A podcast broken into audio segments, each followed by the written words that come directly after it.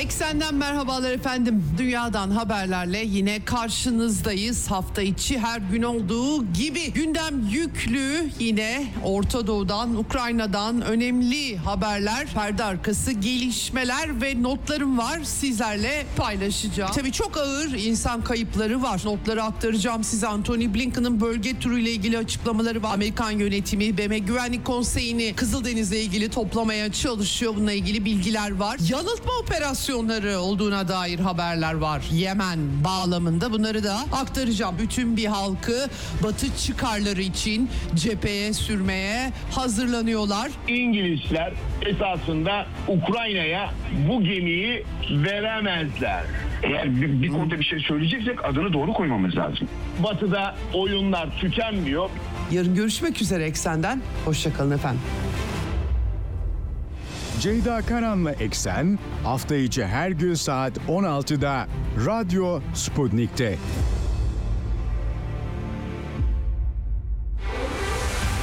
Ceyda Karan'la Eksen başlıyor.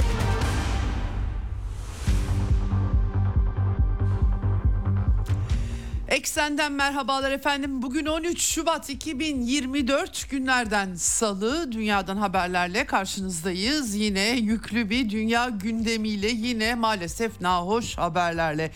İsrail'in e, kuzey operasyonlarının ardından sivilleri Gazze şeridinin güneyine sürmesi sonrasında güneyde Mısır sınırında Refah bölgesinde ilk kara harekatı alameti diyelim henüz başlamış değil ama nokta operasyonu yaptılar. Sonucu siviller çoğunlukla hemen hepsi 100 can kaybı. İki rehinenin kurtarıldığı duyuruldu ama tabii ki dünyadan çok sayıda tepki var. Avrupa Bahçıvanı lakaplı Joseph Borrell AB'nin dış politika şefi dayanamadı İsrail'e e, Ay'a mı gidecekler diye sordu. Sivil can kayıplarına dikkat çekti. Pek beklenmedik kendisinden bir açıklama yaptı.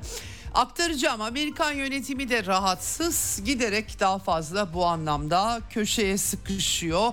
Birleşmiş Milletler Yardım Ajansı'nı İsrail ortadan Filistinlilerin özel yardım ajansı var 70 senedir onu ortadan kaldırma girişimleri, hamleleri var. Hepsini aktaracağım tepkilerle birlikte. Cumhurbaşkanı Birleşik Arap Emirlikleri'nde, Dubai'de e, önemli bir toplantı yapılıyor. Küresel Güney'den katılımlar var bu toplantıda. Konuşma yaptı onur konuğu olarak ama bir tek Cumhurbaşkanı Erdoğan değil Takır Carlson Moskova'da e, Rusya Devlet Başkanı Putin'le röportajı dünyaya mal oldu. Batı'da yankılandı. Gerçekten bütün dikkatler oraya çevrilmişti. Ben de aktarmıştım size. Takır Carson'da konuşmacıydı. Soruları yanıtladı. Ee, çok samimi biçimde de konuşuyor. Yani beğenseniz de beğenmeseniz ilginç ve önemli sorularda soruyor. Rusya izlenimleriyle birlikte onları da aktaracağım e, sizlere. BM'de Minsk toplantısı vardı yıl dönümü 12 Şubat. BM onaylı anlaşmaydı ama uygulanmadı ve bugünkü gelişmelerin yolunu açtı. Rusya'nın talebiyle toplantı yapıldı. Burada Amerika karışık Trump'ın sağlık e, Biden'ın sağlık durumu, Trump'ın NATO çıkışı, transatlantik hattında önemli notlar var yine size aktaracağım ve tabii ki Ukrayna Kiev'de Zaluzni'yi kovdu Zelenski Genelkurmay Başkanı'nı.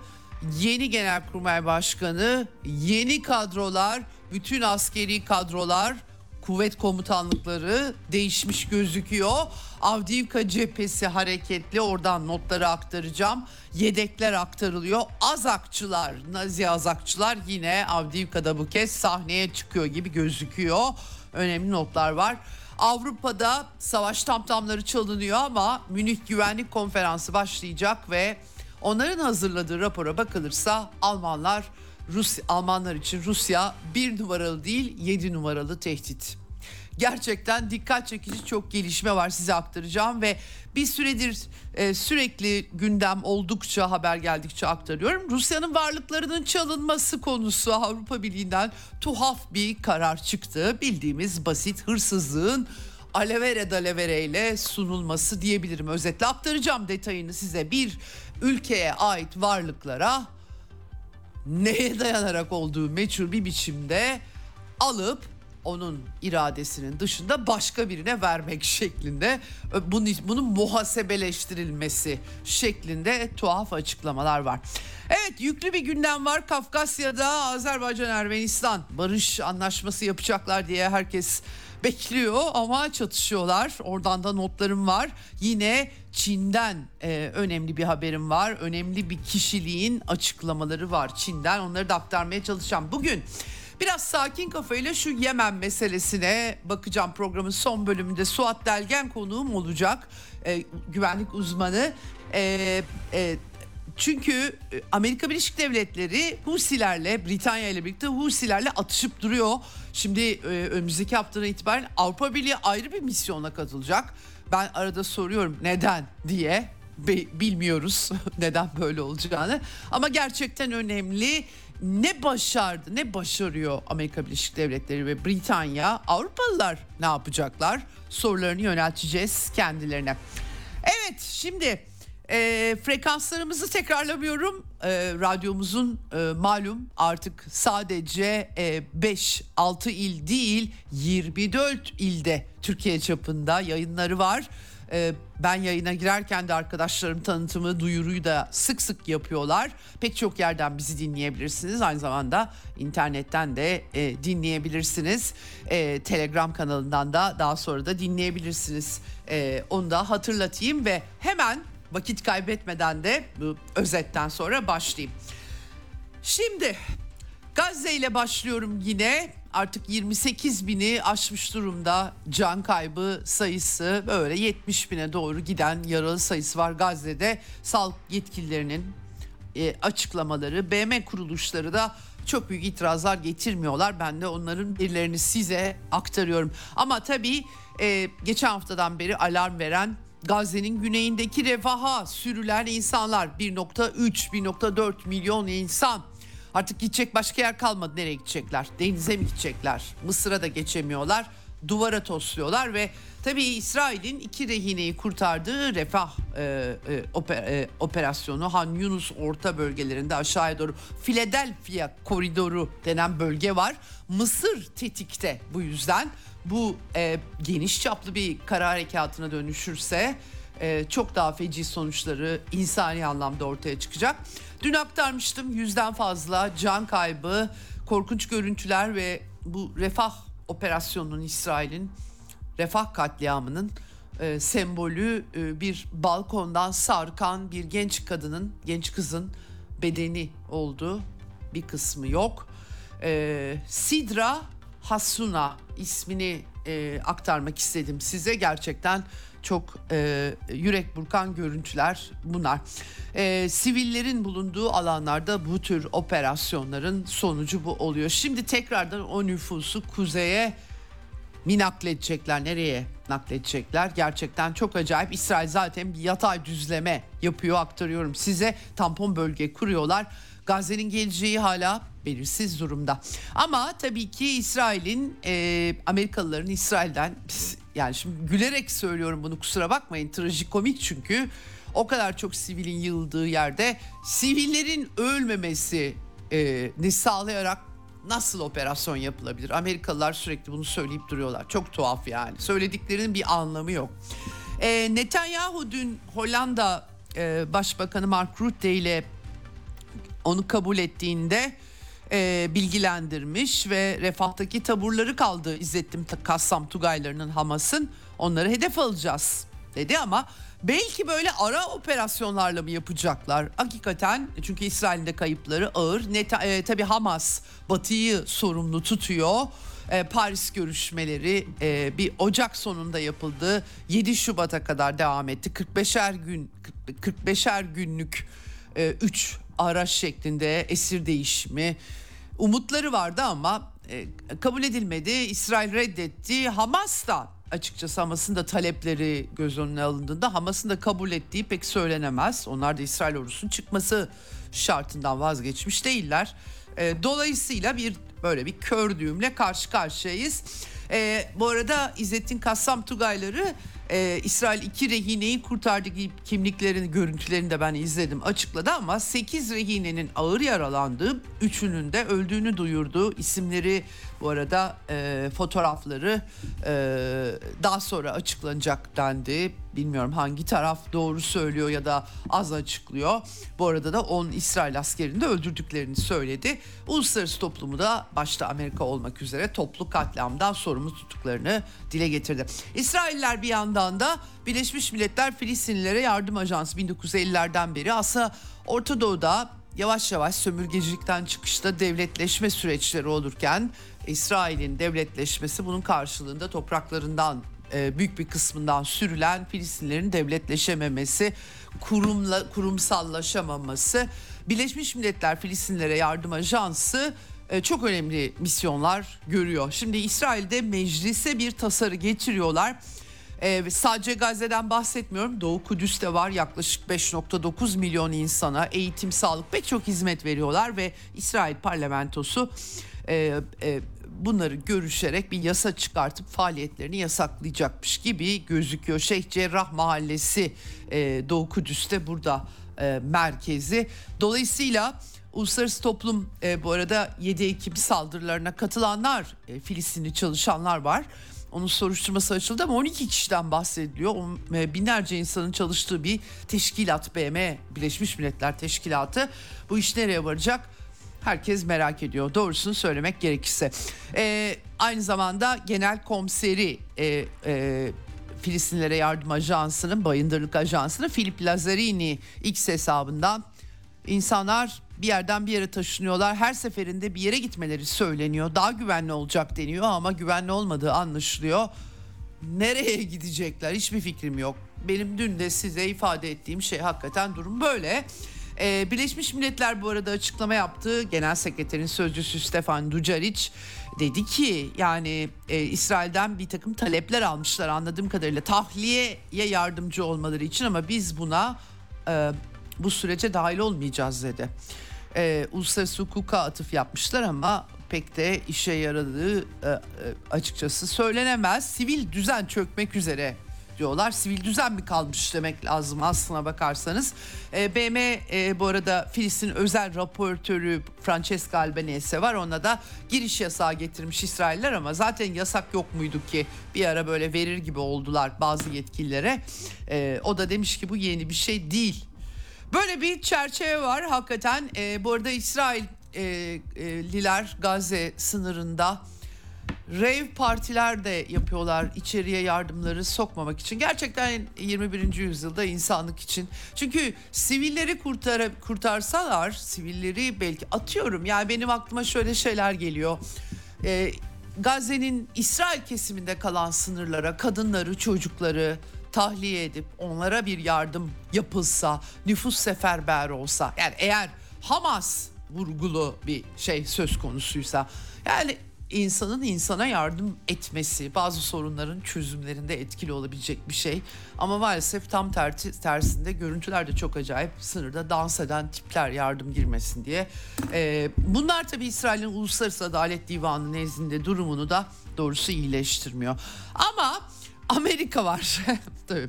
Amerikan Dışişleri Sözcüsü hava saldırıları e, işte e, kara harekatı değil diye açıklama yap. Bence de değil. Doğru tespit yapıyor ama sonuçta özel kuvvetleri gönderip bir mahallede çatışmaya girince de hava kuvvetlerini çağırıp mahalleyi bombalattığınız zaman oradaki ayrım e, öylesi bir zeminde oradaki ayrımı kimse gözetmez yani. E, dolayısıyla bu saptamalar havada kalıyor. Zaten bu şekilde bu savaş veriliyor. Ee, sivil kayıplar şimdi Amerikan yönetiminden yine açıklama var. John Kirby Hollywood'da yıldız olabilir hakikaten kendisi. Ben onun basın toplantılarını özel olarak bulup izliyorum. Mimiklerinden kaynaklı bir biçimde. Ee, kendisi e, endişeli sivil kayıplar yüzünden tek bir İsrailli ve Filistinli sivilin ölümünü görmek istemiyoruz şeklinde yine konuşmuş ama öte yandan da Hamas'ın varlığı Gazze halkını tehlikeye atıyor demiş. Ben Tümüyle bu arada Hamas'la ilgili bir sürü şeye de katılıyorum ama bu iş böyle idare edilmez bir devlet tarafından. Ee, efendim e, diyor ki John Kirby e, Hamas onları tehlikeye atıyor. Aşağıda güneyde refahta yerleşmeye oraya doğru ilerlemeye çalışıyor. E, yani sivil nüfusu ittirdiğiniz zaman böylesi bir yapı sivil nüfus içerisinde oraya gider zaten. Yani bu işin şeyi bu. Ben buna başka çözüm bulmak gerekiyor. Bunlar hiçbir e, laf değil yani. Sivilleri koruyacak bir planlama olmadan refah operasyona karşıyız. Sivilleri koruyacak nasıl bir plan yapılabilir orada? Akıl sıralı gibi değil. Efendim e, soru sormuşlar tabii doğal olarak gazeteciler. Peki bir milyonun üzerinde insan nereye tahliye edilir diye. Yani e, onlar adına konuşamam. Çok güzel soru. Bir şey dememiş efendim. E, ateşkes istiyorlar mı istemiyorlar. Yok ateşkes yok. E, çünkü e, ma burada Netanyahu hükümeti kısa sürede durmayacak. E, rehineler var. E, ateşkes yok insani mola var. Bu şekilde e, Amerika'nın tutumu devam ediyor. Ama işte bütün bunlar böyle göz önünde iken de Amerikan medyası 7-24 çalışıyor. Dün uzun uzun aktardım aslında size. Biden aslında çok iyi bir adam. Netanyahu'ya sürekli küfrediyor. Bu adam diyor sevmiyor ama ne yapsın filan o şekilde. Amerikalıların aslında çok cici oldukları şey, e, en son e, yani bu arada küfür meselesinde yalanladılar. E, yani Biden küfürbaz bir adam. Pek küfür etmeyen bir adam da değil etmiştir bence de ama yine de Ulusal Güvenlik Konseyi yal- yalanlamış durumda. İşte Netanyahu teşvik, teşvik ediyoruz diyorlar. Ee, Bernie Sanders Amerikan Kongresi'nden artık yeter demiş. Yani bu kadar çocuk, bu kadar masum insan ölünce doğal olarak bir de birazdan aktaracağım size Senato'da Temsilciler Meclisi'nde zor gibi gözüküyor ama 14 milyar dolarlık bir askeri yardım e, şeyi kabul edildi. Onun üzerinden de tabii ki bağımsız senatör Be- Bernie Sanders eski demokrat e, çok sert eleştirmiş e, Amerikan Kongresi'ndeki diğerlerine düştükleri durumla ilgili. Joe Biden bu arada Ürdün Kralı Abdullah'ı Beyaz Saray'da ağırladı. Pek haz etmiş gibi gözükmüyordu Abdullah ama Abdullah da böyle şov yapıyor. Uçaklarla Gazze'ye havadan yardım operasyonlarına katılıyor falan. Böyle enteresan işler.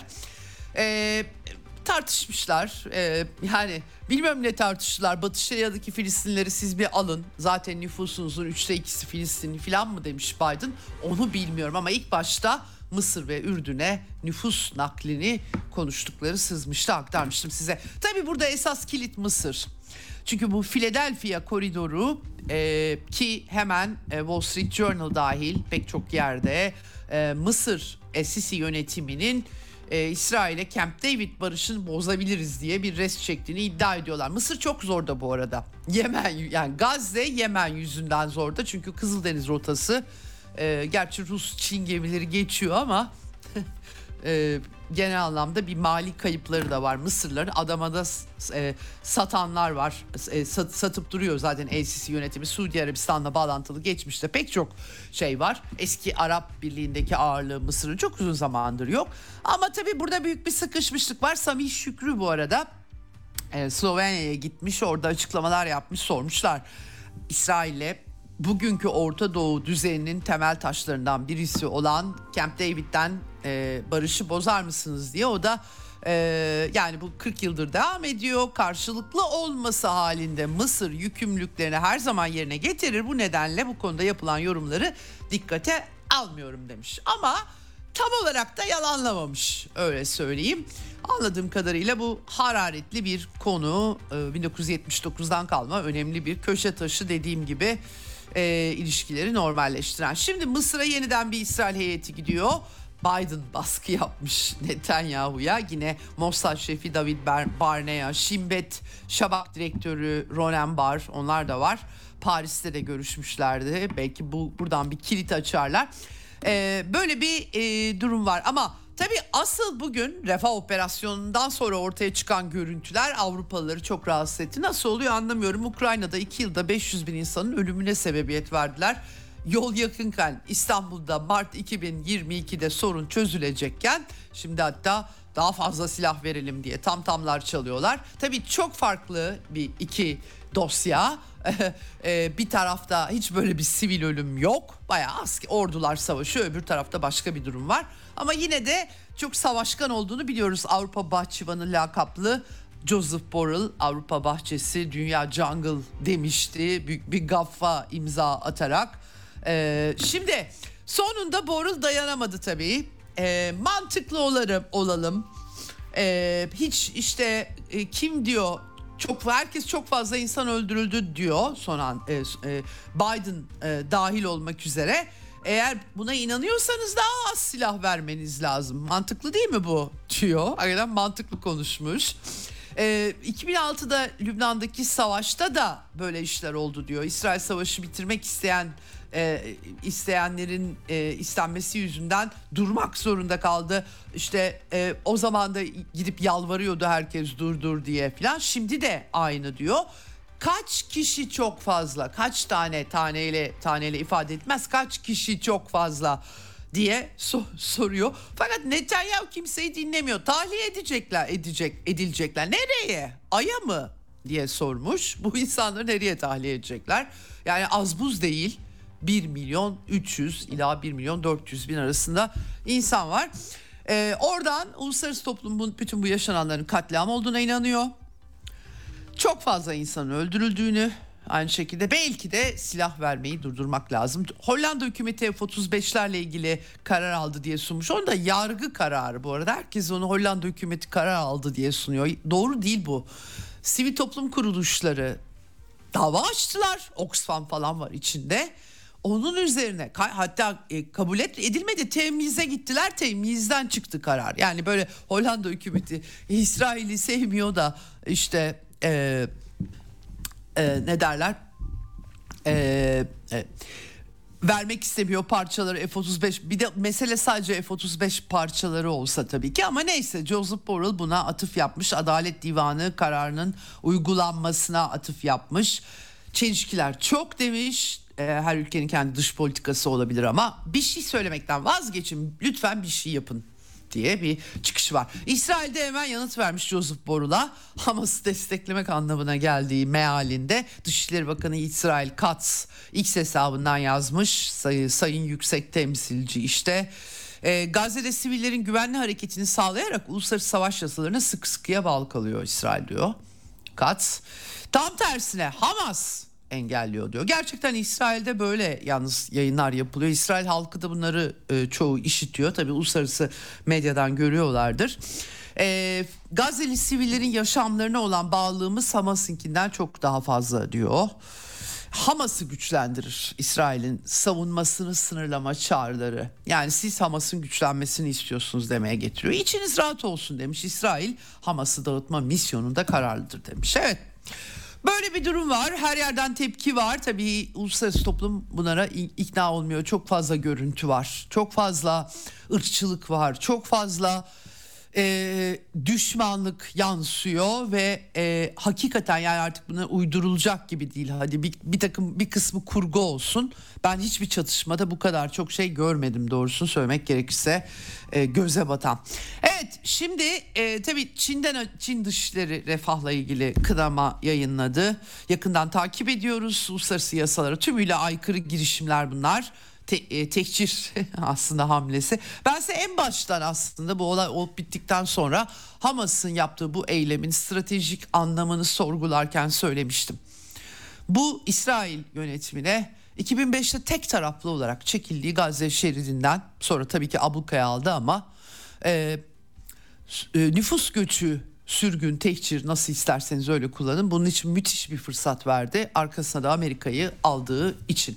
E, Hamas da yani açıkçası çok da e, yani bir çatışmada ben şu sivillerimi ayrıca koruyayım diye düşünmüyor. Bu çatışmanın dinamiği onlar için zaten sivil halkla birlikte veriliyor. Öyle görüyorlar, öyle anlıyorlar. Maalesef böyle bir durum var. Hem kültürel hem siyasi olarak da böyle. Tabii ayrıca zaten o abluka bölgesinde isteseler bile nereye? Yani bütün tünellere belki tünellerde 1 milyon 300 bin insanı nasıl soksunlar ya da 2 milyon 300 bin insanı nasıl soksunlar tabii ki o da ayrı bir sorun. Bu işin e, gerçekten çıkmazı çok. Evet Rusya tabii e, Dışişleri Bakan Yardımcısı Rusya'da Valday e, Tartışma Kulübü'nün e, Ortadoğu Konferansı düzenleniyor. Bu vesileyle Mihail Bogdanov Dışişleri Bakan Yardımcısı Sergey Lavrov Dışişleri Bakanı konuşmalar yaptılar. E, gelişmelere olumsuz baktıkları bu işin ateş çözümün ateşkes olduğu e, silahlı faaliyetler dikkatli bir dille ifadelendiriliyor her şey. Silahlı faaliyetleri sürdürülmesi baş başına felaket diyor Bogdanov. E, günde onlarca yüzlerce insan ölüyor çocuklar dahil olmak üzere bu bir trajedi demiş. E, Sergey Lavrov da aynı şekilde refaha kadar göz, e, bunu genişletme tutumu ve İsrail'in ısrarı düşünüldüğünde bölgede e, hızla bir istikrara kavuşmak için bir umut görmüyoruz demiş. Bir saptama yapmış Sergey Lavrov. E, feci bir durum ve bundan çıkış yolu bulmak lazım ki felaket önlensin. Ancak tabii e, Amerikalı meslektaşlarımızın politikaları bu işi buraya getirdi demiş. Nedenlerle ilgilendiğini görüyorum Sergey Lavrov'un. Özellikle İngilizlerle birlikte e, ortaya koydukları reçeteleri duyuyoruz. Bunlar tabii e, Gazze'yi İsrailliler için, İsrail yetkililer için daha uygun olacak bir hale getirmekle alakalı sorunu çözmek değil. E, yani uluslararası toplumun e, Sergey Lavrov yine dikkatli bir diplomat diliyle e, uluslararası toplumun paylaştığı bir ortak kanaat Filistin devleti meselesi bununla ilgili BM e, hukuku hukukunda BM Güvenlik Konseyi'nden çıkmış kararlar var ona atıf yaparak söylüyor. Dolayısıyla e, farklarını bu şekilde koyuyor. Bir başka devlet olarak ancak bu mekanizmaları zorlayabileceklerini belirtiyor. Yine Kızıldeniz'den bahsetmiş programın son bölümünde konuşacağız. E, yani Amerikalılar biz e, e, Rusya'nın da bir şekilde e, Kızıldeniz dahil e, ticari gemicilik, küresel taşımacılık hatlarının güvenliğinin sağlanmasından yana olduğunu belirtmiş. Ancak e, ABD ve İngiltere'nin egemen bir devletin topraklarına böyle dandum vurmasını da kabul etmelerinin mümkün olmadığını söylemiş. Böyle bir e, bu yaşananların e, neokolonyal bir seçeneğin tercih edilmesi anlamına geldiğini kolektif çabalarla krizi nedenlerini bulup yatıştırmak yine nedenlerle. Gördüğünüz gibi Batı toplumları çok da nedenlerle ilgilenmiyorlar. Böyle bir sıkıntı var. Ee, dolayısıyla Sergey Lavrov öyle bir çerçeve koymuş durumda. Evet şimdi e, Küba e, Devlet Başkanı Miguel Diaz-Canel'in de soykırımcı İsrail 1 milyondan fazla Filistinlinin sığındığı yere vahşice saldırdı. Görüntüler korkunç. En sert ifadelerle kınıyoruz yaşasın Filistin diyen bir açıklaması var. Türk Dışişleri Bakanı da aynı şekilde bakanlık bütün bu olup bitenlerin Gazze halkını sürme planının parçası olduğu saptaması yapmış ve tabii Türkiye'nin tutumunu e, İsrail'i durdurmak için gerekli adımların atılması çağrısı da yapmıştım da. Böyle bir çerçeve var efendim. Bu arada e, Amerikalılar e, İran'ın Venezuela'ya sattığı bir e, Boeing 747 kargo uçağına el koymuşlar. Amerikalılar öyle kendi yasalar kendileri yasalar çıkartıyorlar sonra el koyuyorlar meşru oluyor o zaman böyle bir durum. Venezuela hükümeti e, çok sinirlenmiş. İranlılar aynı şekilde açıklama yapmışlar. Böyle bir durum var.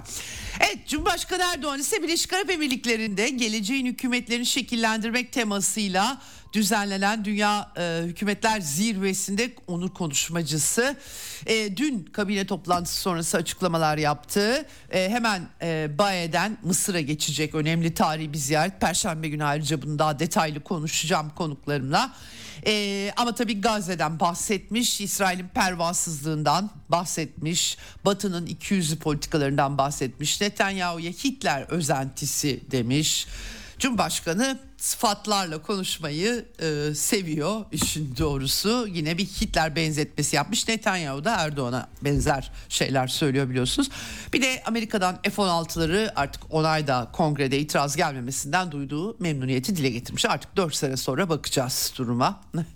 evet e, konuşması tabii e, onur konu olarak Dubai'de daha adil bir dünya mümkün. Filistinlileri yalnız bırakmayacağız. 67 sınırlarına dayalı işte Doğu Kudüs başkenti Filistin devleti İsrail kalıcı barış istiyorsa yayılmacı hayaller peşinde koşmayı bırakmalı demiş.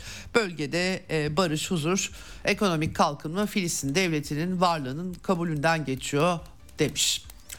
Yani bilemiyorum tabii 20. yüzyılda ulus devletlerin e, kurulmalarının mekanizmalarının kapanmış olması tekrar açılmasının da ancak silah zoruyla olabiliyor olması işleri biraz karıştırıyor elbette. E, tabii Filistin'le ilgili mesele başka boyutları da olduğu için başka mekanizmalar var uluslararası hukukta ama onları işletmek için de e, diplomasinin zorlayıcı güçlerine atıyorum apartheid Güney Afrika'sında uygulanan bir süre sonra uygulanan şeyler gibi şeyler gerekiyor. Yani başka türlü bir yol yok çünkü. Evet böyle bir çerçeve var. Tabii Dubai'nin asıl yıldızı Tucker Carlson efendim. Ee, Vladimir Putin'le 60 soruyu 60 soruyu yanıtladı Tucker Carlson'dan 2 saat 6 dakika süren uzun bir söyleşi yaptı ve Amerikalıları çok sinirlendirdi. Tucker Carlson 3 yıldır uğraştığını, Amerikan istihbaratının mesajlaşmalarını dahi izlediğini, kendisini takibe aldığını, casusluk yaptığını ve alenen engellemeye çalıştığını, e, sorduğu sorulardan hoşnut olmadığı için ortaya koyuyor. Bu e, Dubai'de de e, soruları yanıtlıyor. Gerçekten enteresan şeyler söylemiş orada da. izlenimlerini aktarmış Moskova'da. Eee e, e, Putin'in uzlaşmaya hazır olup olmadığı elbette diyor diplomasi denen şey bu. Yani Putin açık gözüküyordu. Moskova'yı çok beğenmiş, çok güzel. Daha önce hiç gitmedim. 13 milyonluk nüfusuyla Avrupa'nın en büyük şehri. Ülkemde herhangi bir şehirden çok daha güzel olması benim için şok oldu. Ee, hiçbir fikrim yoktu demiş. Çok daha temiz, daha güvenli, estetik açıdan güzel, mimarisi, yemekleri, hizmetleri Amerika'daki herhangi bir şehre göre daha iyi. Valla açıkçası tümüyle katılıyorum kendisine. Ee, ben e, en son gidişimde parke taş, kırık parke taşı aramıştım. İlk üç çemberde bulamadım. Öyle söyleyeyim size. Tek bir kırık yani tabii ki her yeri dolaşmadım ama epey bir dolaştım ve yoktu. O kadar düzenli, o kadar temiz, o kadar e, tabii ki güzel ki e, mimarisi, yemekleri, hizmetleri tümüyle katılıyorum. Takır karşısına insanları ve de Aynı şekilde. Evet tabii meşhur Moskova metrosu tabii bunun biraz da kendi ülkesiyle kıyaslayarak yapıyor ve diyor ki yani New York'ta insanlar tecavüze uğramadan e, tecavüz korkusuyla dolaşıyorlar ya da İngiltere'de köşe e, köşede kenarda e, uyuşturucu için dilenen genç kızlar görüyorsunuz filan o bir o kıyaslamayla anlatmış. E, o zaman liderliğin amacı nedir diye soruyor. Yani hani halkının e, e, hayrı e, liderliklerin yani nasıl bir ülke yönetiyorsunuz siz? O ülke nasıl bu hale geldi? falan diye böyle e, hakikaten uzun e, samimi görüşlerini kıyaslayarak aktarmış. Ukrayna meselesinde yani e, ben ben Amerikalıyım. Ben Putin'in Putin bir ülkenin lideri. Ben gazeteci olarak benim görevim ben iyiyim sen kötüsün demek değil. Bir dünya lideriyle röportaj yapıyorsam zaten onun görüşleri, onun perspektifinin dinleyicilere ulaşmasını sağlamak. Bu röportajcı e, tabii ki sorularla sıkıştırır elbette hiç şüphesiz ama yani e, röportajcı deklarasyon ben iyiyim sen kötüsün deklarasyonu e, yapmakla görevli değil. Dolayısıyla ben görevimi yaptım e, demiş. Ayrıca Ukrayna'daki savaşı e, Rusya liderinin bitirmek istediğini söylüyor. Endüstriyel potansiyelinin yanlış hesaplandığını söylüyor. E, yanlış analizler çok çıktı çünkü silahları bitecek falan dediler. Bir sürü böyle kelli felli analist Allah yaptırım dalgasıyla birlikte işte 6 ay sonra Rusya'nın işi biter falan diye Türk televizyonlarında da izledik bunları. Hepsi çuvalladılar. Tucker Carlson doğal olarak bunları aktarmış. Ben Putin'i savunmuyorum hayranı da değilim ama ayrıca Rusya kocaman bir ülke Polonya'ya ihtiyaçları yok. Ne var Polonya'da onlar için? Niye böyle bir çatışma ve savaş peşinde koşuyorlar diyor röportaj sırasında. Ee, e, ben bir Amerikan vatanseveriyim ve e, başkanın aklını kaçırdığını görmek beni üzüyor demiş Joe Biden'da. Birazdan aktaracağım hakikaten o dosyada çok kalabalık bir dosya.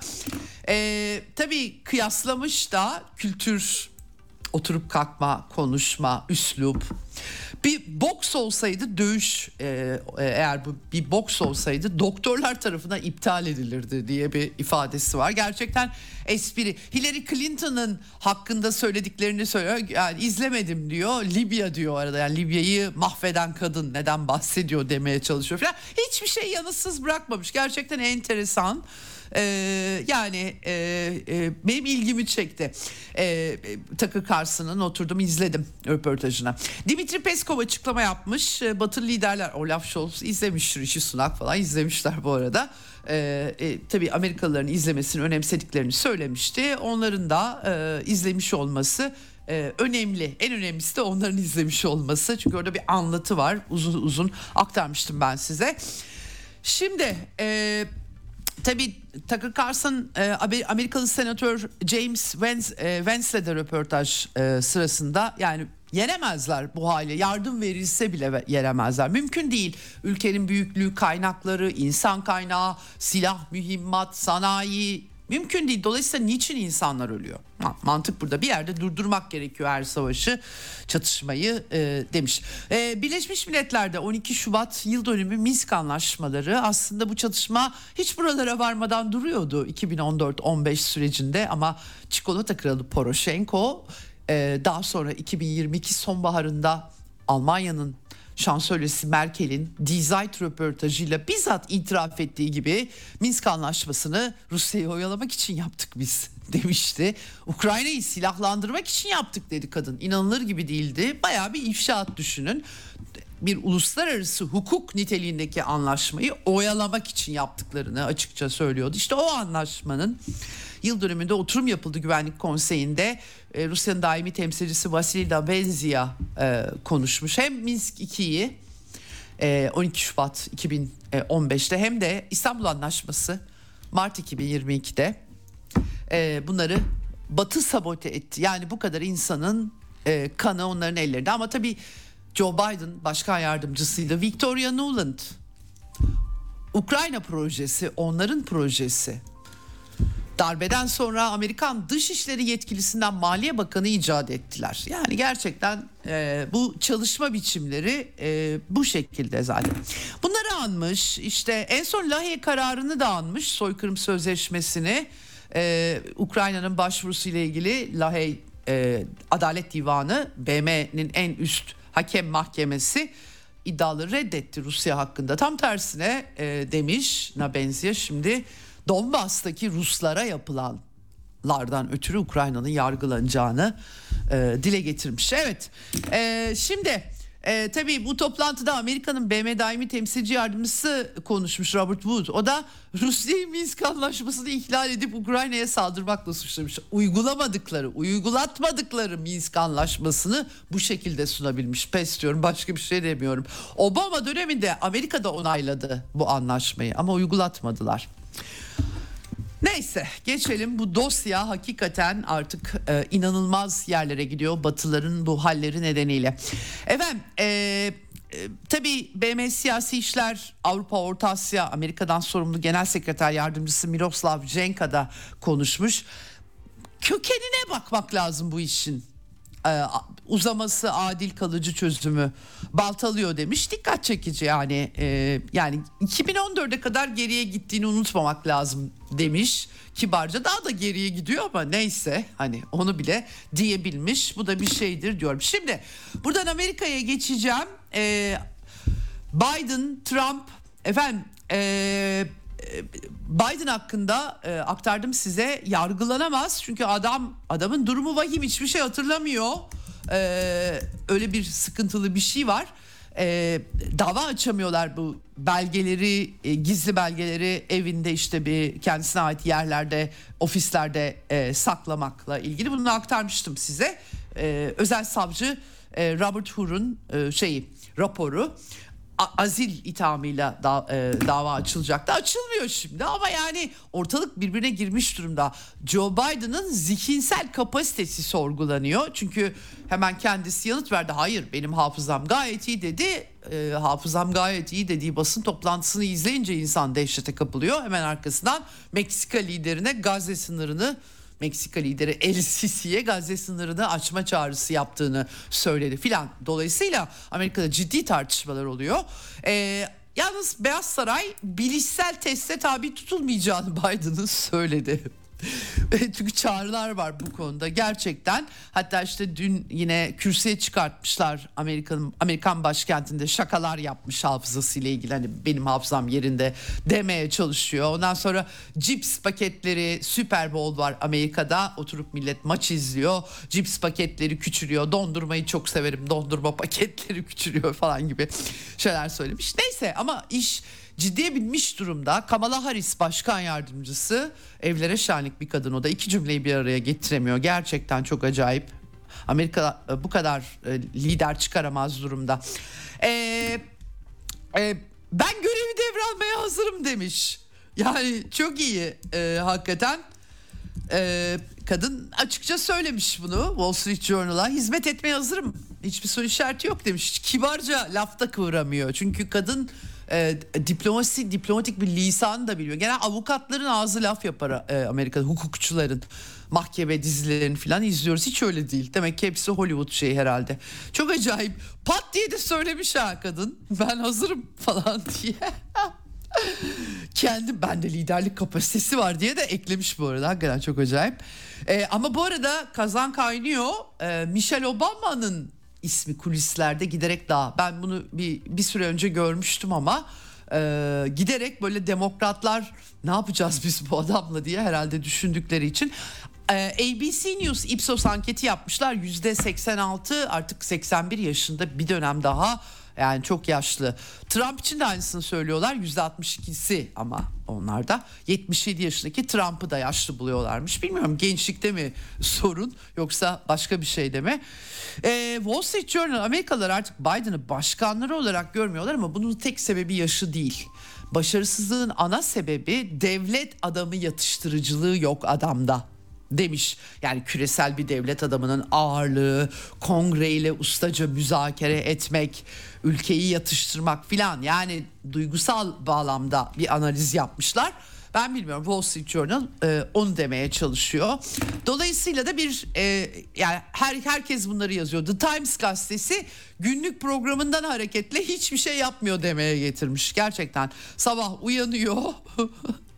e, spor salonunda egzersiz yapıyor, yemek yiyor, eve dönüyor, torunlarıyla telefonda konuşuyor filan falan. Böyle inanılır gibi değil. Gerçekten ben Amerikan politikalarını bunca zamandır izlerim böylesini görmedim. Tabii bu arada Trump seçilecek diye herkesin yüreği ağzında. Transatlantik hattında öyle söyleyeyim size. Avrupa e, zaten şok olmuş. Neden? Trump e, geçtiğimiz günlerde başkanken yani 2019-2020 gibi muhtemelen Macron'un NATO'nun beyin ölümünden filan bahsettiği zamanlarda bir büyük Avrupa lideri geldi benden sordu bana Rusya bize saldırsa savunmayacak mısınız bizi hani payımızı yüzde iki e, payımızı ödemiyoruz diye deyince Trump da ona ben de dedim ki hatta teşvik bile ederim. Savunmam tabii filan. Ortalık bir... Şimdi bunun söylendiği dönemi anması tabii ki seçilirse yapabileceklerin işareti algılanıyor doğal olarak ve bu böyle yorumlanıyor. Ama öte yandan da Trump Amerikan halkının giderek çok cephede her yere dalan Amerika'nın her yerde meydan okumalarla karşılaşan e, Amerika'nın kendi içerisindeki sıkışmışlığını kullanan bir politikacı. Dolayısıyla onun için bu lafları ediyor. Kimse bunlara girmiyor yani. E, fakat her yerde yani hepsini aktaracak vaktim yok. New York Times, efendim Washington Post, Economist, ee, çok ciddi tartışılıyor. Avrupa'yı korkutuyor. Neler neler yazmışlar anlatamam size. Şüphe uyandırıyor. Batı'nın kararlılığı gitti, bitti falan. Bütün medya onlarla dolu. Ee, arada 5. maddenin yasal bir zorunluluk olmadığını hatırlatanlar olmuş. Tabii bu bir hani arada değerler e, bütünü filan diyorlar ama sonuçta yasal bir zorunluluk yok tabii ki. Onları söyleyenler var. Velhasıl Trump da durmuyor yerinde en son e, kendi sosyal medyasından benim sayemde NATO güçlendi demiş. Ben yani 2019-2020'de Avrupalılara bu resti çekmeseydim savunmaya katkılarını arttırmazlardı demiş. Sallamış tabii ki yalan söylüyor. Geçen gün bilgisini verdim size sadece 7 ülke tutturuyor. O da Ukrayna krizinin etkisiyle tabii ki. Ama bayağı bir sinirlenmişlerdi tabii ki. Avrupalılar da alemler tabii yani zengin Avrupalılar kendileri bir ordu kuramıyorlar. Amerikalılar gelecek bizi savunacak diyorlar. Tabii ki bu işin oligarşisi var. Mali bağımlılıkları var. Ee, ama işte işler e, bu kadar çatışma çıkartırsanız e, düne kadar kardeş iki halkı birbirine kırdırmak için planlar yaparsanız sonuçta işte işler maalesef buralara varıyor. Şimdi dün e, Senato bu arada 95.3 milyar dolarlık bir yardım paketini onayladı. İçinde Ukrayna'ya 61 milyar dolar, İsrail'e 14 milyar dolar, Tayvan, Hint Pasifik ortaklıklarına Çin'e karşı 4.83 milyar dolar. Unutmuyorlar Çin'i var. Gazze'ye de yardım için 9.15. E, ama bu işin temsilciler meclisi var ve oradan geçecekmiş gibi bir manzara açıkçası görmüyorum. Bilmiyorum şaşıracak mıyım? Ee, Elon Musk Amerikalı girişimci bu harcama Ukrayna özellikle çok yüklü çünkü yardımcı olmadığını savaşı uzatmanın Ukrayna'ya yardımcı olmadığını e, düşünüyorum kongre üyelerine söylüyor. Yani durun artık bu kadar insan ölümüne sebebiyet veriyorsunuz demiş. Şimdi size e, burada Pentagon şefi ortada yok tekrar hastaneye kaldırıldı. Yerine Kathleen Hicks atanmış durumda. Austin'in yardımcısı fakat kadının şöyle bir portresine baktım. Zero Hedge yazmış. Vallahi evlere şenlik tam bir Vogue Pentagon şefi Amerikan ordusunun başının biraz dertli olmasına şaşırmamak gerekiyor. Bugün uzun uzun anlatamayacağım size ama Zero Hedge'deki makale gerçekten iyi bir makaleydi. Münih konferansı, güvenlik konferansı 16 Şubat'ta başlıyor. Zelenski büyük olasılıkla katılacak. Öncesinde Paris ve Berlin'i ziyaret edeceği söyleniyor efendim. Ee, tabii e, Avdiivka'daki çatışmalardan daha az bilgi var. Orada fırtınalar kopuyor Ukrayna'da e, darbeden geri döndüler. Zaluzni'yi bir şekilde Victoria Nuland gidip hemen yetişti imdadına. Usulüne uygun tasfiye ettiler ve Avdiivka'ya da şimdi gene, yeni general, genelkurmay başkanı Rus asılı diye çok eleştirdikleri Sırski yedekleri yığıyor. Eee yaklaşık bir iki hafta oldu herhalde Rusya güçleri merkeze bir kama soktu ve ikiye bölüyorlar. E, bu durumda o yedekler bir işe yarayacak mı yaramayacak mı ben bilmiyorum. Ama Bahmut Artyemovsk'ta yaşananları herkes hatırlatıyor ve hep mütemadiyen bu yenilgiler bu sefer Azakçıları atmışlar. Yeniden derleyip toparladıkları Nazi, neo-Nazi Azak taburunu deneyimli hiç olmazsa sokaktan topladıkları zavallıları değil diyeceğim var. Ee, ve e, Avdiivka'da ne olacak bilmiyoruz ama e, Ukrayna'da e, yeni görevler Kara Kuvvetleri Komutanı Pavliuk getirilmiş. Aynı şekilde bölgesel savunma kuvvetlerinin başına Plak Huta. Bunlar e, daha uzun detaylı notlar aldım. Hepsini yine aktaramıyorum ama e, bütün askeri kademeyi sallamış değiştirmişler. Yeni bir taarruza yazın hazırlanmak istiyorlar deniyor. Ama bu sefer de yenilirlerse başka artık deneyimli askeri güç kalmayacak. Bahmut Artyemovsk yenilgisi, Kupyans'taki e, sıkıntılar bilemiyorum e, ne olacak bütün e, bunlar efendim. Gerçekten e, manzara çok parlak e, gözükmüyor. Avrupalılar bir takım plan programları içerisindeler ama Münih Güvenlik Konferansı vesilesiyle bir rapor yayınlanmış G7 ülkelerinde. Almanya bu kadar savaş tamtamları çalıyorlar Rusya saldıracak diye ama Almanlar da bir numaralı tehditken geçen sene Rusya bu sene 7. sıraya gerilemiş. Onlar daha çok göçle, terörle, e, radikal İslam'la ilgileniyorlar gibi gözüküyor. Neye yarayacak bilmiyorum. E, e, detaylarını bu hafta içerisindeki diğer programlarda da aktarmaya çalışacağım. Hemen her yerde e, sıkıntılı durum var. E, Avrupa'da yoksulluk teması. Estonya Başbakanı Kaja Kallas Rus nefretiyle tanınıyor kendisi. Efendim yoksulluk var çünkü Estonyalılar çok sızlanıyorlar. Girişimciler de etkileniyor bundan demiş. Böyle tespitler yapıyorlar. Böyle de bir e, Avrupa açıkçası tuhaf bir Avrupa çıkıyor e, karşımıza. Evet şimdi Rusya'nın e, mal varlığı ile ilgili bu son e, şeyi aktaramadım tam size ama şöyle özetleyeyim. Sizin varlığınıza biri el koyuyor, onun faizini sizin e, hiç hoşlanmadığınız birine vermek için ayrı bir hesaba hesapta muhasebeleştiriyor. Böyle bir karar aldılar. İnanılır gibi değil. Bildiğiniz basit hırsızlık. Ee, Rusya'dan tepki var. Biz de ağır sert yanıt vereceğiz diye. Ne yapacaklar ee, göreceğiz. Ee, şimdi fakat bir kısa e, müzik arası vermek istiyorum. Biraz yoruldum. Az sonra bir, biraz tanıtım gireceğiz. Biraz kulağımızın pasını sileceğiz. Ee, az sonra Suat Delgen'le e, Yemen'i, Kızıldeniz'i, Amerika ve Avrupa Birliği'nin operasyonlarını konuşacağız. Bizden ayrılmayın.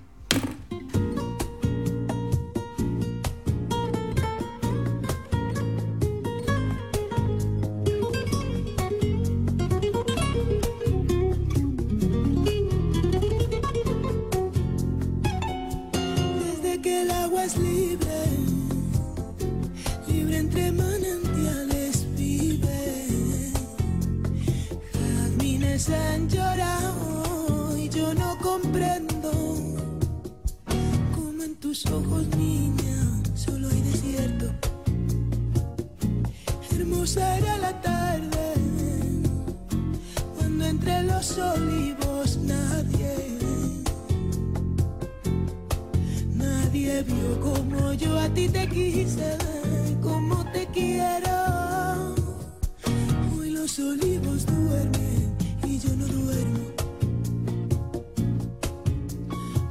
nadie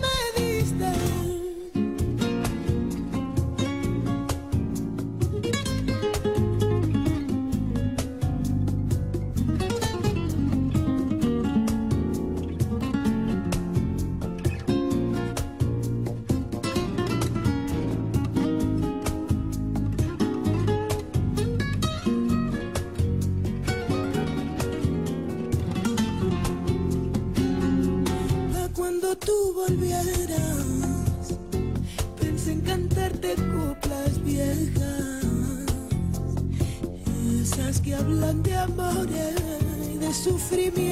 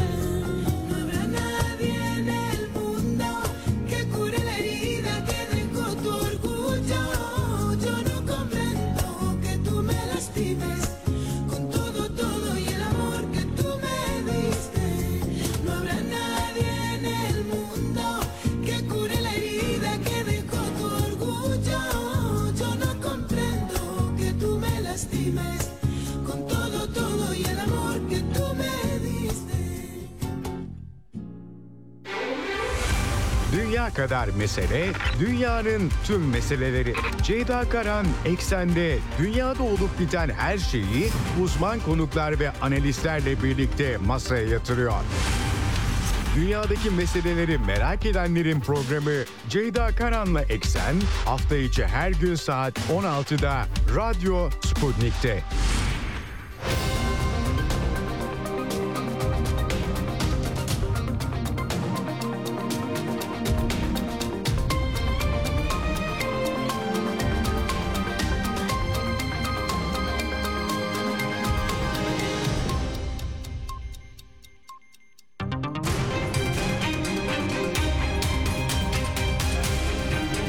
Radyo Sputnik. Anlatılmayanları anlatıyoruz. Radyo Sputnik artık 24 şehirde. Daha önce İstanbul, Ankara, İzmir, Bursa ve Kocaeli'de olan radyo yayınlarımız artık Trabzon'dan Adana'ya, Van'dan Manisa'ya, Çanakkale'den Diyarbakır'a, Türkiye'nin dört bir yanında. 24 ilde 60 milyonun kulaklarındayız. Kulaklarındayız. 7-24 yayınlarımızla en doğru haberleri ve programlarımızı dinleyicilere aktarıyoruz. Radyo Sputnik. Anlatılmayanları anlatıyoruz. Ceyda Karan'la Eksen devam ediyor.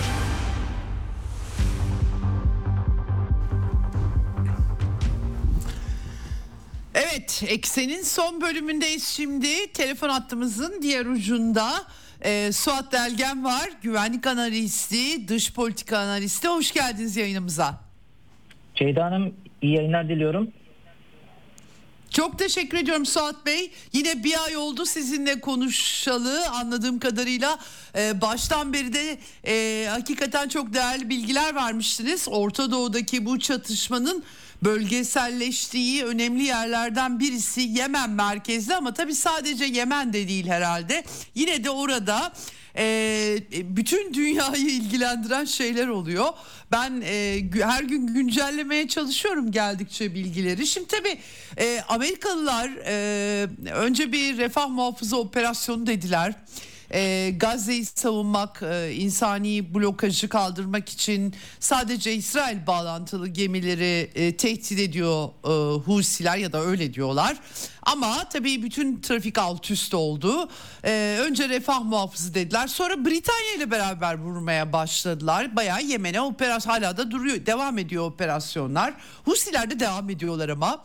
Ee, e, Avrupalılar önce sanki bunun içinde gibilerdi. Zaten NATO var. Ya NATO e, Asya'ya bile gidiyor yani bir şekilde. Buraya niye gitmesini? Fakat sonuç itibariyle Avrupalılar biz kendimiz ayrı gideceğiz dediler. Böyle biraz ortalık karıştı. Ne oldu? Ee, Amerika ne yapıyor orada? Ne elde ediyor? Avrupa Birliği ne yapacak? Ne elde edecek? Nedir bu karışıklık? Bize önce şunun kodlarını bir çözer çözümlerseniz çok sevineceğim. Ben sürekli yayınlarda haberleri aktarırken anlamadım gitti diyorum. Hakikaten öyle. Buyurun. E, ş- şöyle Ceyda Hanım şimdi basamak basamak gidersek e, çok güzel bir şekilde özetleyebiliriz. E, 18 Aralık tarihinde e, Amerika Birleşik Devletleri bölgedeki seyir sefer serbestisini e, sağlamak ve bölgedeki ticari deniz trafiğini korumak için e, refah muhafızı harekatını başlattı. E, bu harekata Avrupa Birliği ülkelerinden de destek geldi. Fakat e, İspanya, İtalya ve Fransa harekata e, katılacak gemilerin komutasını e, Amerikan amiralin komutasına vermeyi reddettiler. Çünkü bölgede bir görev grubu var CTF 153. Dolayısıyla e, onlar kendi e, gemilerine daha doğrusu kendi bayrağını taşıyan gemilere koruma sağlamak için ayrı bir harekat icra etmeye başladılar. Birleşmiş Milletler Güvenlik e, Konseyi 2722 sayılı bir karar aldı. Bu kararda da e, Rusya'nın şöyle bir itirazı olmuştu bu karara. Yani bölgedeki faaliyetlerin Gazze'deki İsrail'in harekatıyla alakalı olduğuna dair bir cümle eklemek istemişti ama o e, gelen itiraz sonucunda Evet. ortadan çıkarıldı. Orada şöyle bir Evet. oluştu. Ülkelere 11 Ocak'takini söylüyor. Çok özür diliyorum. 11 Ocak'takini söylüyorsunuz değil mi? BM kararını. Evet, doğrudur. buyurun devam Evet, edin. Doğru, evet. doğrudur. 11 Ocak'taki BM kararını, BM kararında ülkelere e, meşru müdafaa kapsamında kendi gemilerini koruma hakkı verildi. Burası önemli.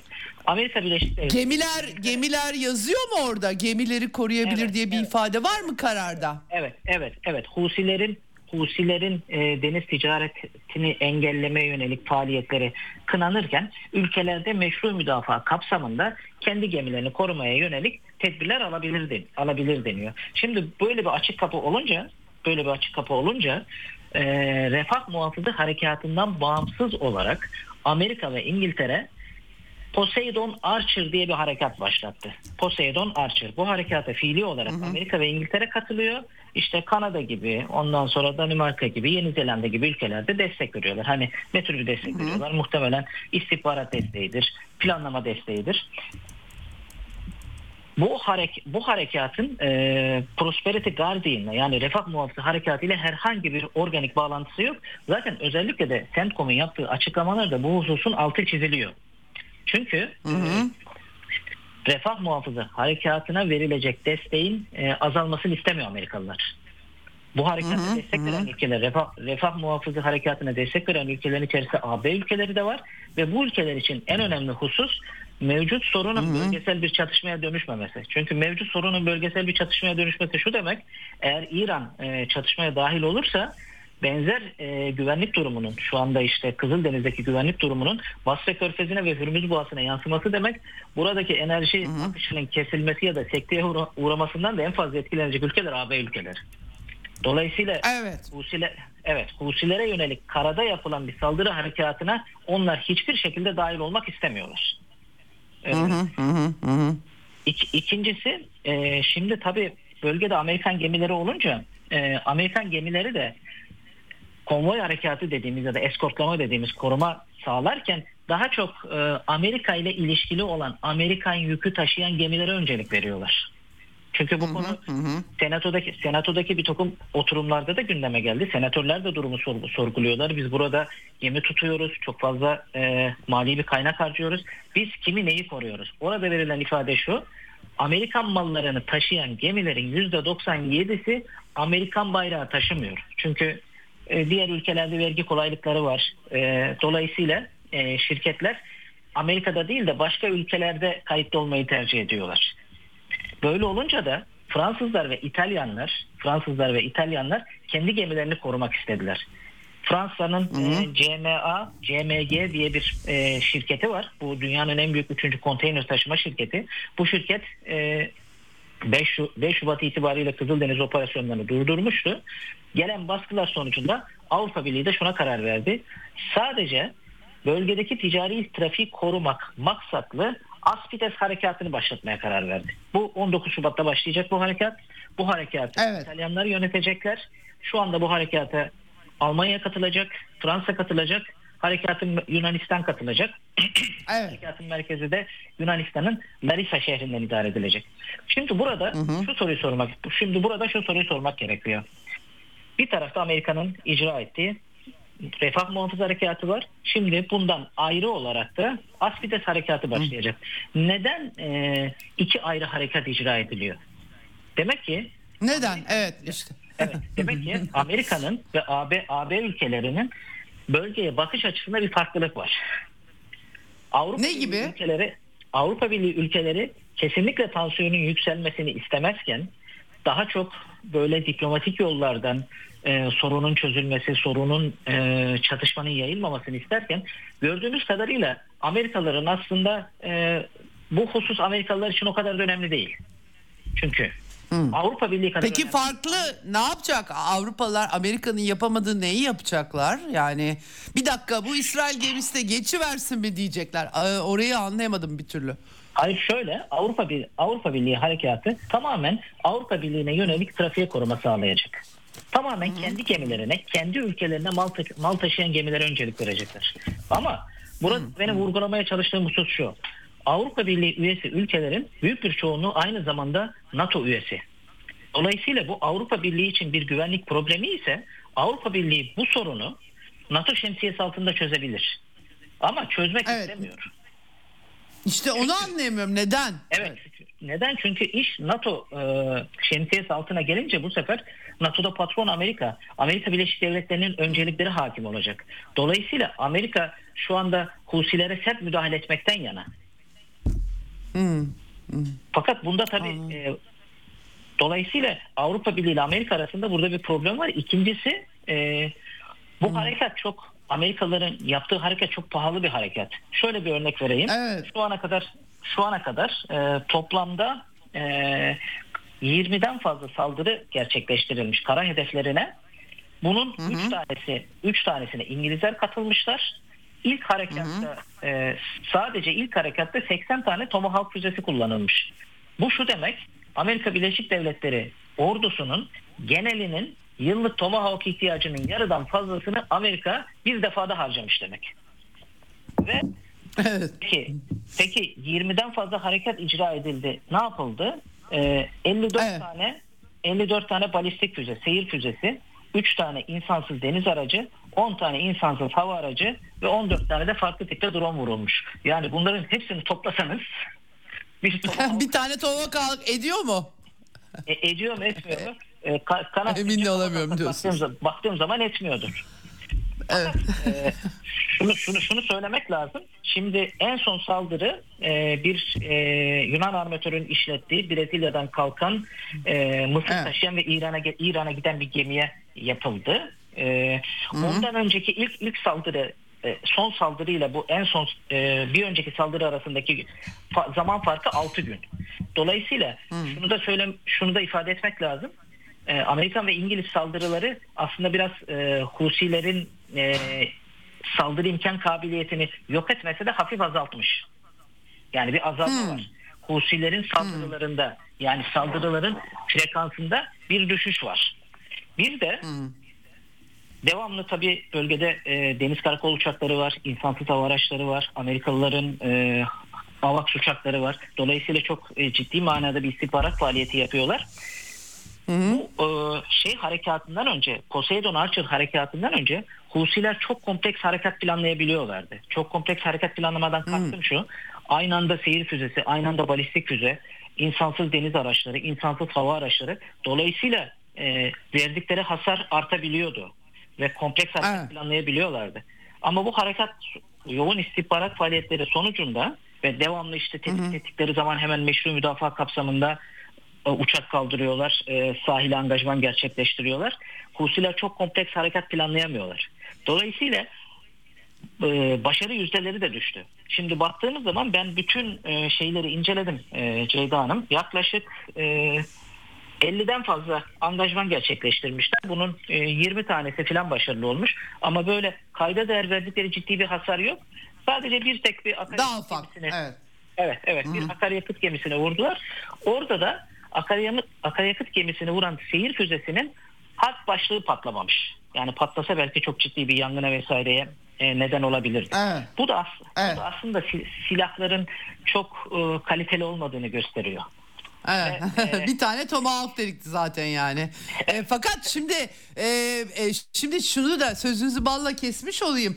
E, e, bunların çok bir önemi yok yani sonuç itibariyle e, 50'de e, 20 dediniz değil mi? Bence çok başarılı 50'de 20 neredeyse 50-50 A- az hasar verse de korkusu yeter. Şimdi e, ben BM kararını açtım önüme. Burada tabii uluslararası hukuka uygun olarak meşru müdafaa hakkı diyor. Evet. Başka bir ülkeyi vurmak uluslararası hukuka ne kadar uyuyor bir ondan emin değilim ama hani geçelim tartışmalı öyle de yorumlanabilir diyelim ki şimdi sıkıntı şu hedef nedir? Hedef seyir sefer serbestlisini sağlamak.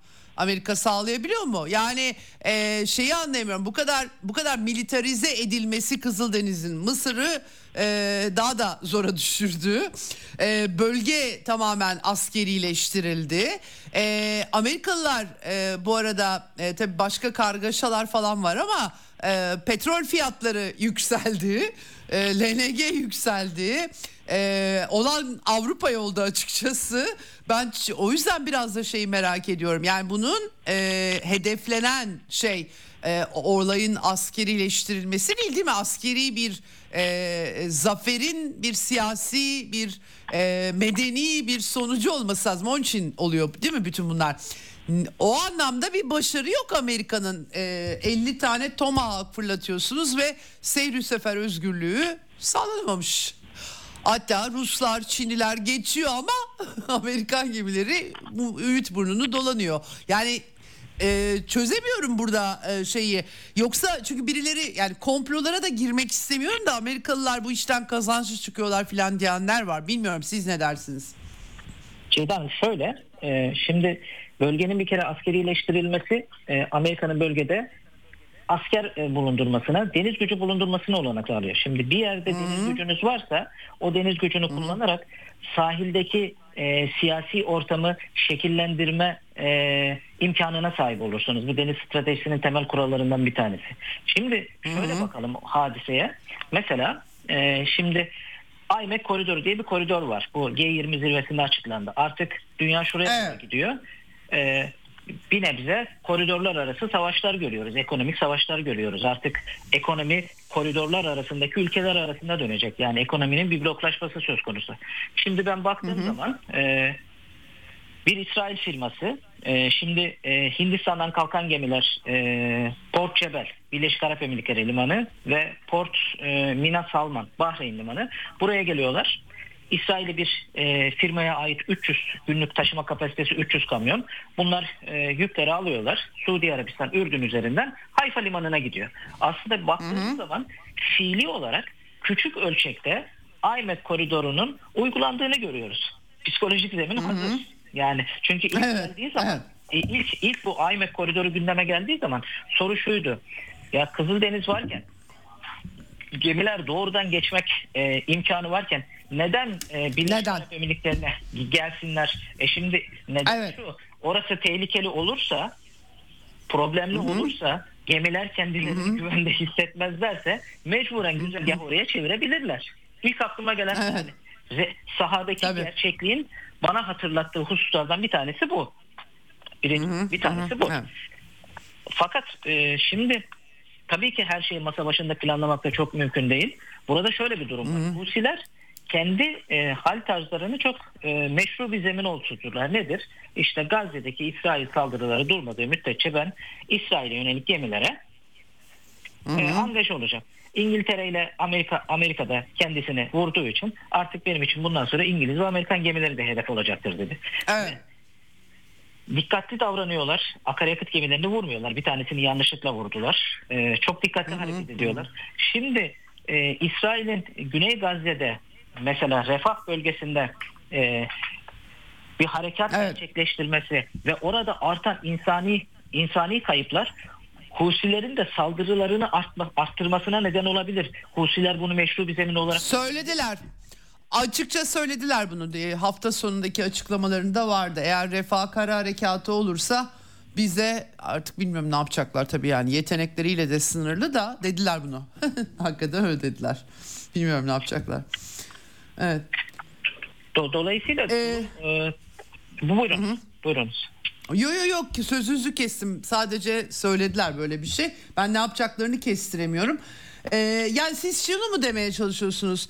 Tamam Amerika e, Husilerin bu eylemleri stratejik anlamda Amerika'nın Kızıldeniz rotasını kesmesine ve G20 zirvesine çıkan IMEC koridorunu kendiliğinden aşamasına yol açtı mı demek lazım. İlk sonucu siyasi sonuç, siyasi ekonomik sonucu bu mu bunun?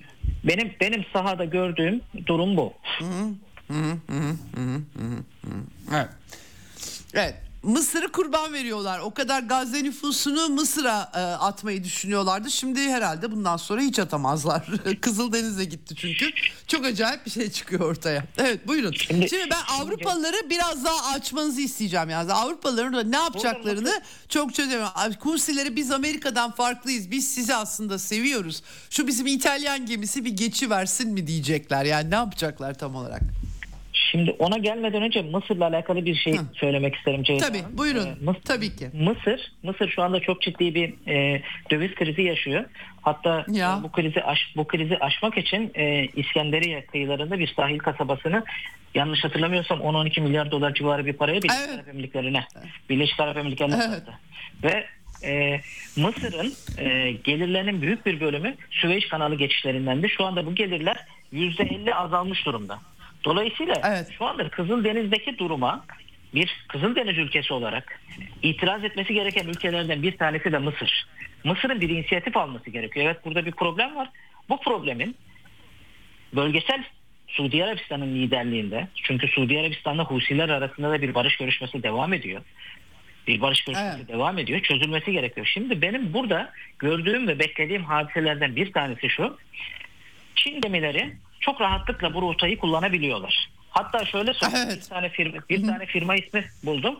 Orta ve küçük ölçekli Çin firmaları e, hemen ismini hatırlayabilirsem söyleyeceğim. 7 tane gemisi var. Sadece As, Güneydoğu Asya ve Türkiye arasında taşımacılık faaliyeti yapıyor. Türk limanları arasında. İstanbul. Evet. E, e şimdi e, Rus Rus gemileri çok kolay bir şekilde geçmeye başlıyor. Çin ve Rusya'nın müdahale etmesini gerektirecek bir durum yok. Ama Amerika güç kaybetmeye, daha doğrusu güç kaybetmeye derken Amerika'ya yönelik tepkiler artmaya başladıkça, bu hadise artık içinden çıkılmaz bir hal almaya başladıkça bölge ülkeleri Çin'den ara bulucu olmasını isteyebilirler. Dolayısıyla Çin, İran ve Suudi Arabistan'da oynadığı ara buluculuk rolüne benzer bir rolü Husilerle bölge ülkeleri arasında oynayabilir ve kriz çözücü ülke durumuna gelebilir. Evet, evet. Yani şunu da söyleyebilir miyiz? Yanlış anlamadıysam kastımız. Yani şimdiden böyle kısa vadede kendiliğinden IMEC açılmış aman ne şahane diye kendimizi kandırmayalım. Bu işin jeo- e, jeopolitiği farklı işleyebilir diyoruz yani. Öyle mi? Evet E kesinlikle. çünkü Su- Suudiler de bu durumda çünkü Suudiler de İsrail'e kardeşim biz geçirmeyiz o zaman buradan bir şey diyebilirler. Bir de ellerine koz vermiş oluyorsunuz o zaman. Çünkü yani değil mi? Öyle bir durum. Kes, kesinlikle e, çok çok parametreli bir denklem. Dolayısıyla hani analiz yaparken e, nesnel kriterlerin dışına çıkmamak gerekiyor. Onu ifade etmek Evet, evet, evet, evet. Şimdi- Evet, buyurun. şimdi ben sözünüzü Avrupa- çok kestim kusura bakmayın. Evet. Yok estağfurullah. Avrupa Birliği açısından da meseleye bakarsak şimdi genel itibariyle özellikle e, Trump'ın açıklamalarından sonra Avrupa'daki panik halini görüyorsunuz. En, yani Trump açıklama yaptı. En, en, en büyük ses e, Olaf Scholz'dan geldi. Bir şekilde kendi ayak kendi ayaklarının üzerinde durmaları gerekiyor. Kendi güvenliklerini sağlamaları gerekiyor ve kendi halklarına da ya da kendi şirketlerine ya da işte e, kendi unsurlarına da şu güveni vermeleri gerekiyor. Biz sınırlar ötesinde de sizin güvenliğinizi sağlayabilir. Şimdi üç gemiden oluşacak bir harekat icra edecekler. Konvoy harekatında bulunacaklar. Zaten Fransızlar daha önce de e, yanlış hatırlamıyorsam 5-6 tane şey insansız hava aracı düşürdüler. Gemileri vesaire yetenekli. Bunu yapabilecek imkan kabiliyetleri var. Sadece Var. bir Hı hı, konvoy, harek- evet, konvoy harekatında bulunacaklar ve e, muhtemelen e, önümüzdeki günlerde Fransız e, şirketi CMA, CMG tekrar yeniden operasyonlarına başlayacak. Öncelikli olarak e, Avrupa'ya yönelik yük taşımacılığına koruma sağlayacaklar. Şimdi bu koruma sağlarken Husiler e, angaja gerçekleştirecekler mi, gerçekleştirmeyecekler mi bunu göreceğiz. E şimdi Husiler açısından meseleye bakarsanız e, neden gerçekleştirsin? Neden kendisine karşı olan e, karşı cepheyi genişletsin? Dolayısıyla Evet. İsrail'e gitmiyorsa e, geçit verebilir. Zaten öyle gemiler geçiyormuş. Ben lojistikçi arkadaşlarımla e, konuştuğumda işte mesela bir tane büyük akaryakıt gemisi, Rus gemisi diyelim arkasına bir İtalyan gemisi takılıp pırt diye geçiyor diye böyle şeyler söyledi bana. İlgimi çekti. E, hakikaten yani bilmediğimiz başka şeyler de oluyor. Ama tabii e, Kuzey Avrupa ülkeleri biraz daha böyle kuralcı da e, Mörskler falan filan onlar biraz daha farklı anladığım kadarıyla. Anladım yani Avrupa Birliği e, Yemen topraklarını vurmayacak ama Yemen'den bir şey fırlatılırsa e, kendileri gemilerini koruyacaklar e, diyorlar yani. İsrail'e gidenleri Evet. zaten İsrail'e gitmeyenleri Husiler belki hiç vurmaz. Onlar da e, öyle bir durum olacak e, diyorsunuz. Anladım. Başka eklemek istediğiniz varsa ben ben- kafamdakileri sormuş oldum. Çok da yanıtlarını da almış oldum. Nereye varacak hep beraber göreceğiz ama size e, yani bir iki dakika daha var. Onları da alalım sizin eklemek istediklerinizi. Bu harekatın temeli bu Avrupa Birliği'nin yapacağı harekatın e, temeli e, 2019 yılında Fransa tarafından başlatılan milli inisiyatifle başlatılan Agenor harekatı harekatına dayanacak. Agenor harekatı da e, Basra Körfezi'nde, Umman Körfezi açıklarında deniz güvenliğini sağlamak, keşif gözetleme faaliyeti icra etmek. Yani bu yönüyle baktığımız zaman aslında Avrupa Birliği'nde bu Aspides harekatının esas üstlenicisi ya da esas initiator'ı, başlan e, e, sahibi diyelim Fransa. Hmm, hmm, evet. Yani d- dolayısıyla bu Fransa açısından da e, ilerideki Avrupa Birliği savunmasının evrileceği yön açısından önemli bir sınav olacak. E, göreceğiz ne kadar başaracaklar, ne kadar başarılı olacaklar. Biz de Evet. takip etmeye çalışacağız Ceyda Hanım. Peki çok çok teşekkür ediyorum. Ee, umarım çok e, bölmedim sizi ben ama yanıtlarımı Yok, aldım. Ee, ağzınıza Ben sağlık teşekkür çok ederim. teşekkürler. Bilgiler Ben için. teşekkür ederim. Sağ olun, iyi yayınlar diliyorum. Sağ olun. Evet Suat Delgen'le konuştuk. Ee, gerçekten e, benim kafam açıldı birazcık. Tabii ki e, tartışmalı görülecek, beklenecek ne olacağını göreceğimiz şeyler de olacaktır. Ama önemli bilgiler aktardı bütün bu operasyonlarla ilgili. Bu arada çok e, dikkatimi çeken bir söylediği de Çin'le ilgili tabii. Çin'in Orta Doğu jeopolitiğine daha da fazla girmesinin olasılığının açılması. Çinlilerin Amerika ile dertleri de çok büyük. Orada da bir rekabet var. E, hemen son o notu da aktararak kapatayım. E, çünkü e, en son en uzun süre Amerika'da elçilik yapan bir Çinli yetkili var. Jiwi Tiankai. Doğru telaffuz ettim mi bilmiyorum ama e, Amerika'nın yani sadece Ukrayna ile hani Orta Doğu'da biraz sıkıştı tabii ki onu da yönlendirme, yönetmeye çalışıyor. E, ama e, Çin'i de e, tuzağa düşürmeye çalıştığını e, vekalet savaşı e, Tayvan'daki Çinlilerle ana karanın kapışacağı bir vekalet savaşı çıkartmaya çalıştığını söylüyor. En son bu Kimmen ve Matsu iki ada grubuna özel kuvvetler yerleştirilmişti aktarmıştım size. İlk defa bu kadar yani e, e, kıdemli bir Çinli yetkili e, böyle bir hani bizi bunlar tuzağa çekiyorlar ama Çin bu tuzağa düşmeyecek e, e, diye bir açıklama yapmış. Çok dikkatimi çekti. O yüzden onu da aktarmak istiyorum. E, bu jeopolitik mücadele görmezden gelinecek bir şey değil hakikaten. Öyle bir e, ve duruma varmış durumda. Öyle bir boyuta varmış durumda. Peki. E, bugünlük bu kadar diyelim Eksen'den. Yarın görüşmek üzere. Hoşçakalın. Ceyda Karan'la Eksen sona erdi. Dünya kadar mesele, dünyanın tüm meseleleri. Ceyda Karan Eksen'de dünyada olup biten her şeyi uzman konuklar ve analistlerle birlikte masaya yatırıyor. Dünyadaki meseleleri merak edenlerin programı Ceyda Karan'la Eksen hafta içi her gün saat 16'da Radyo Sputnik'te.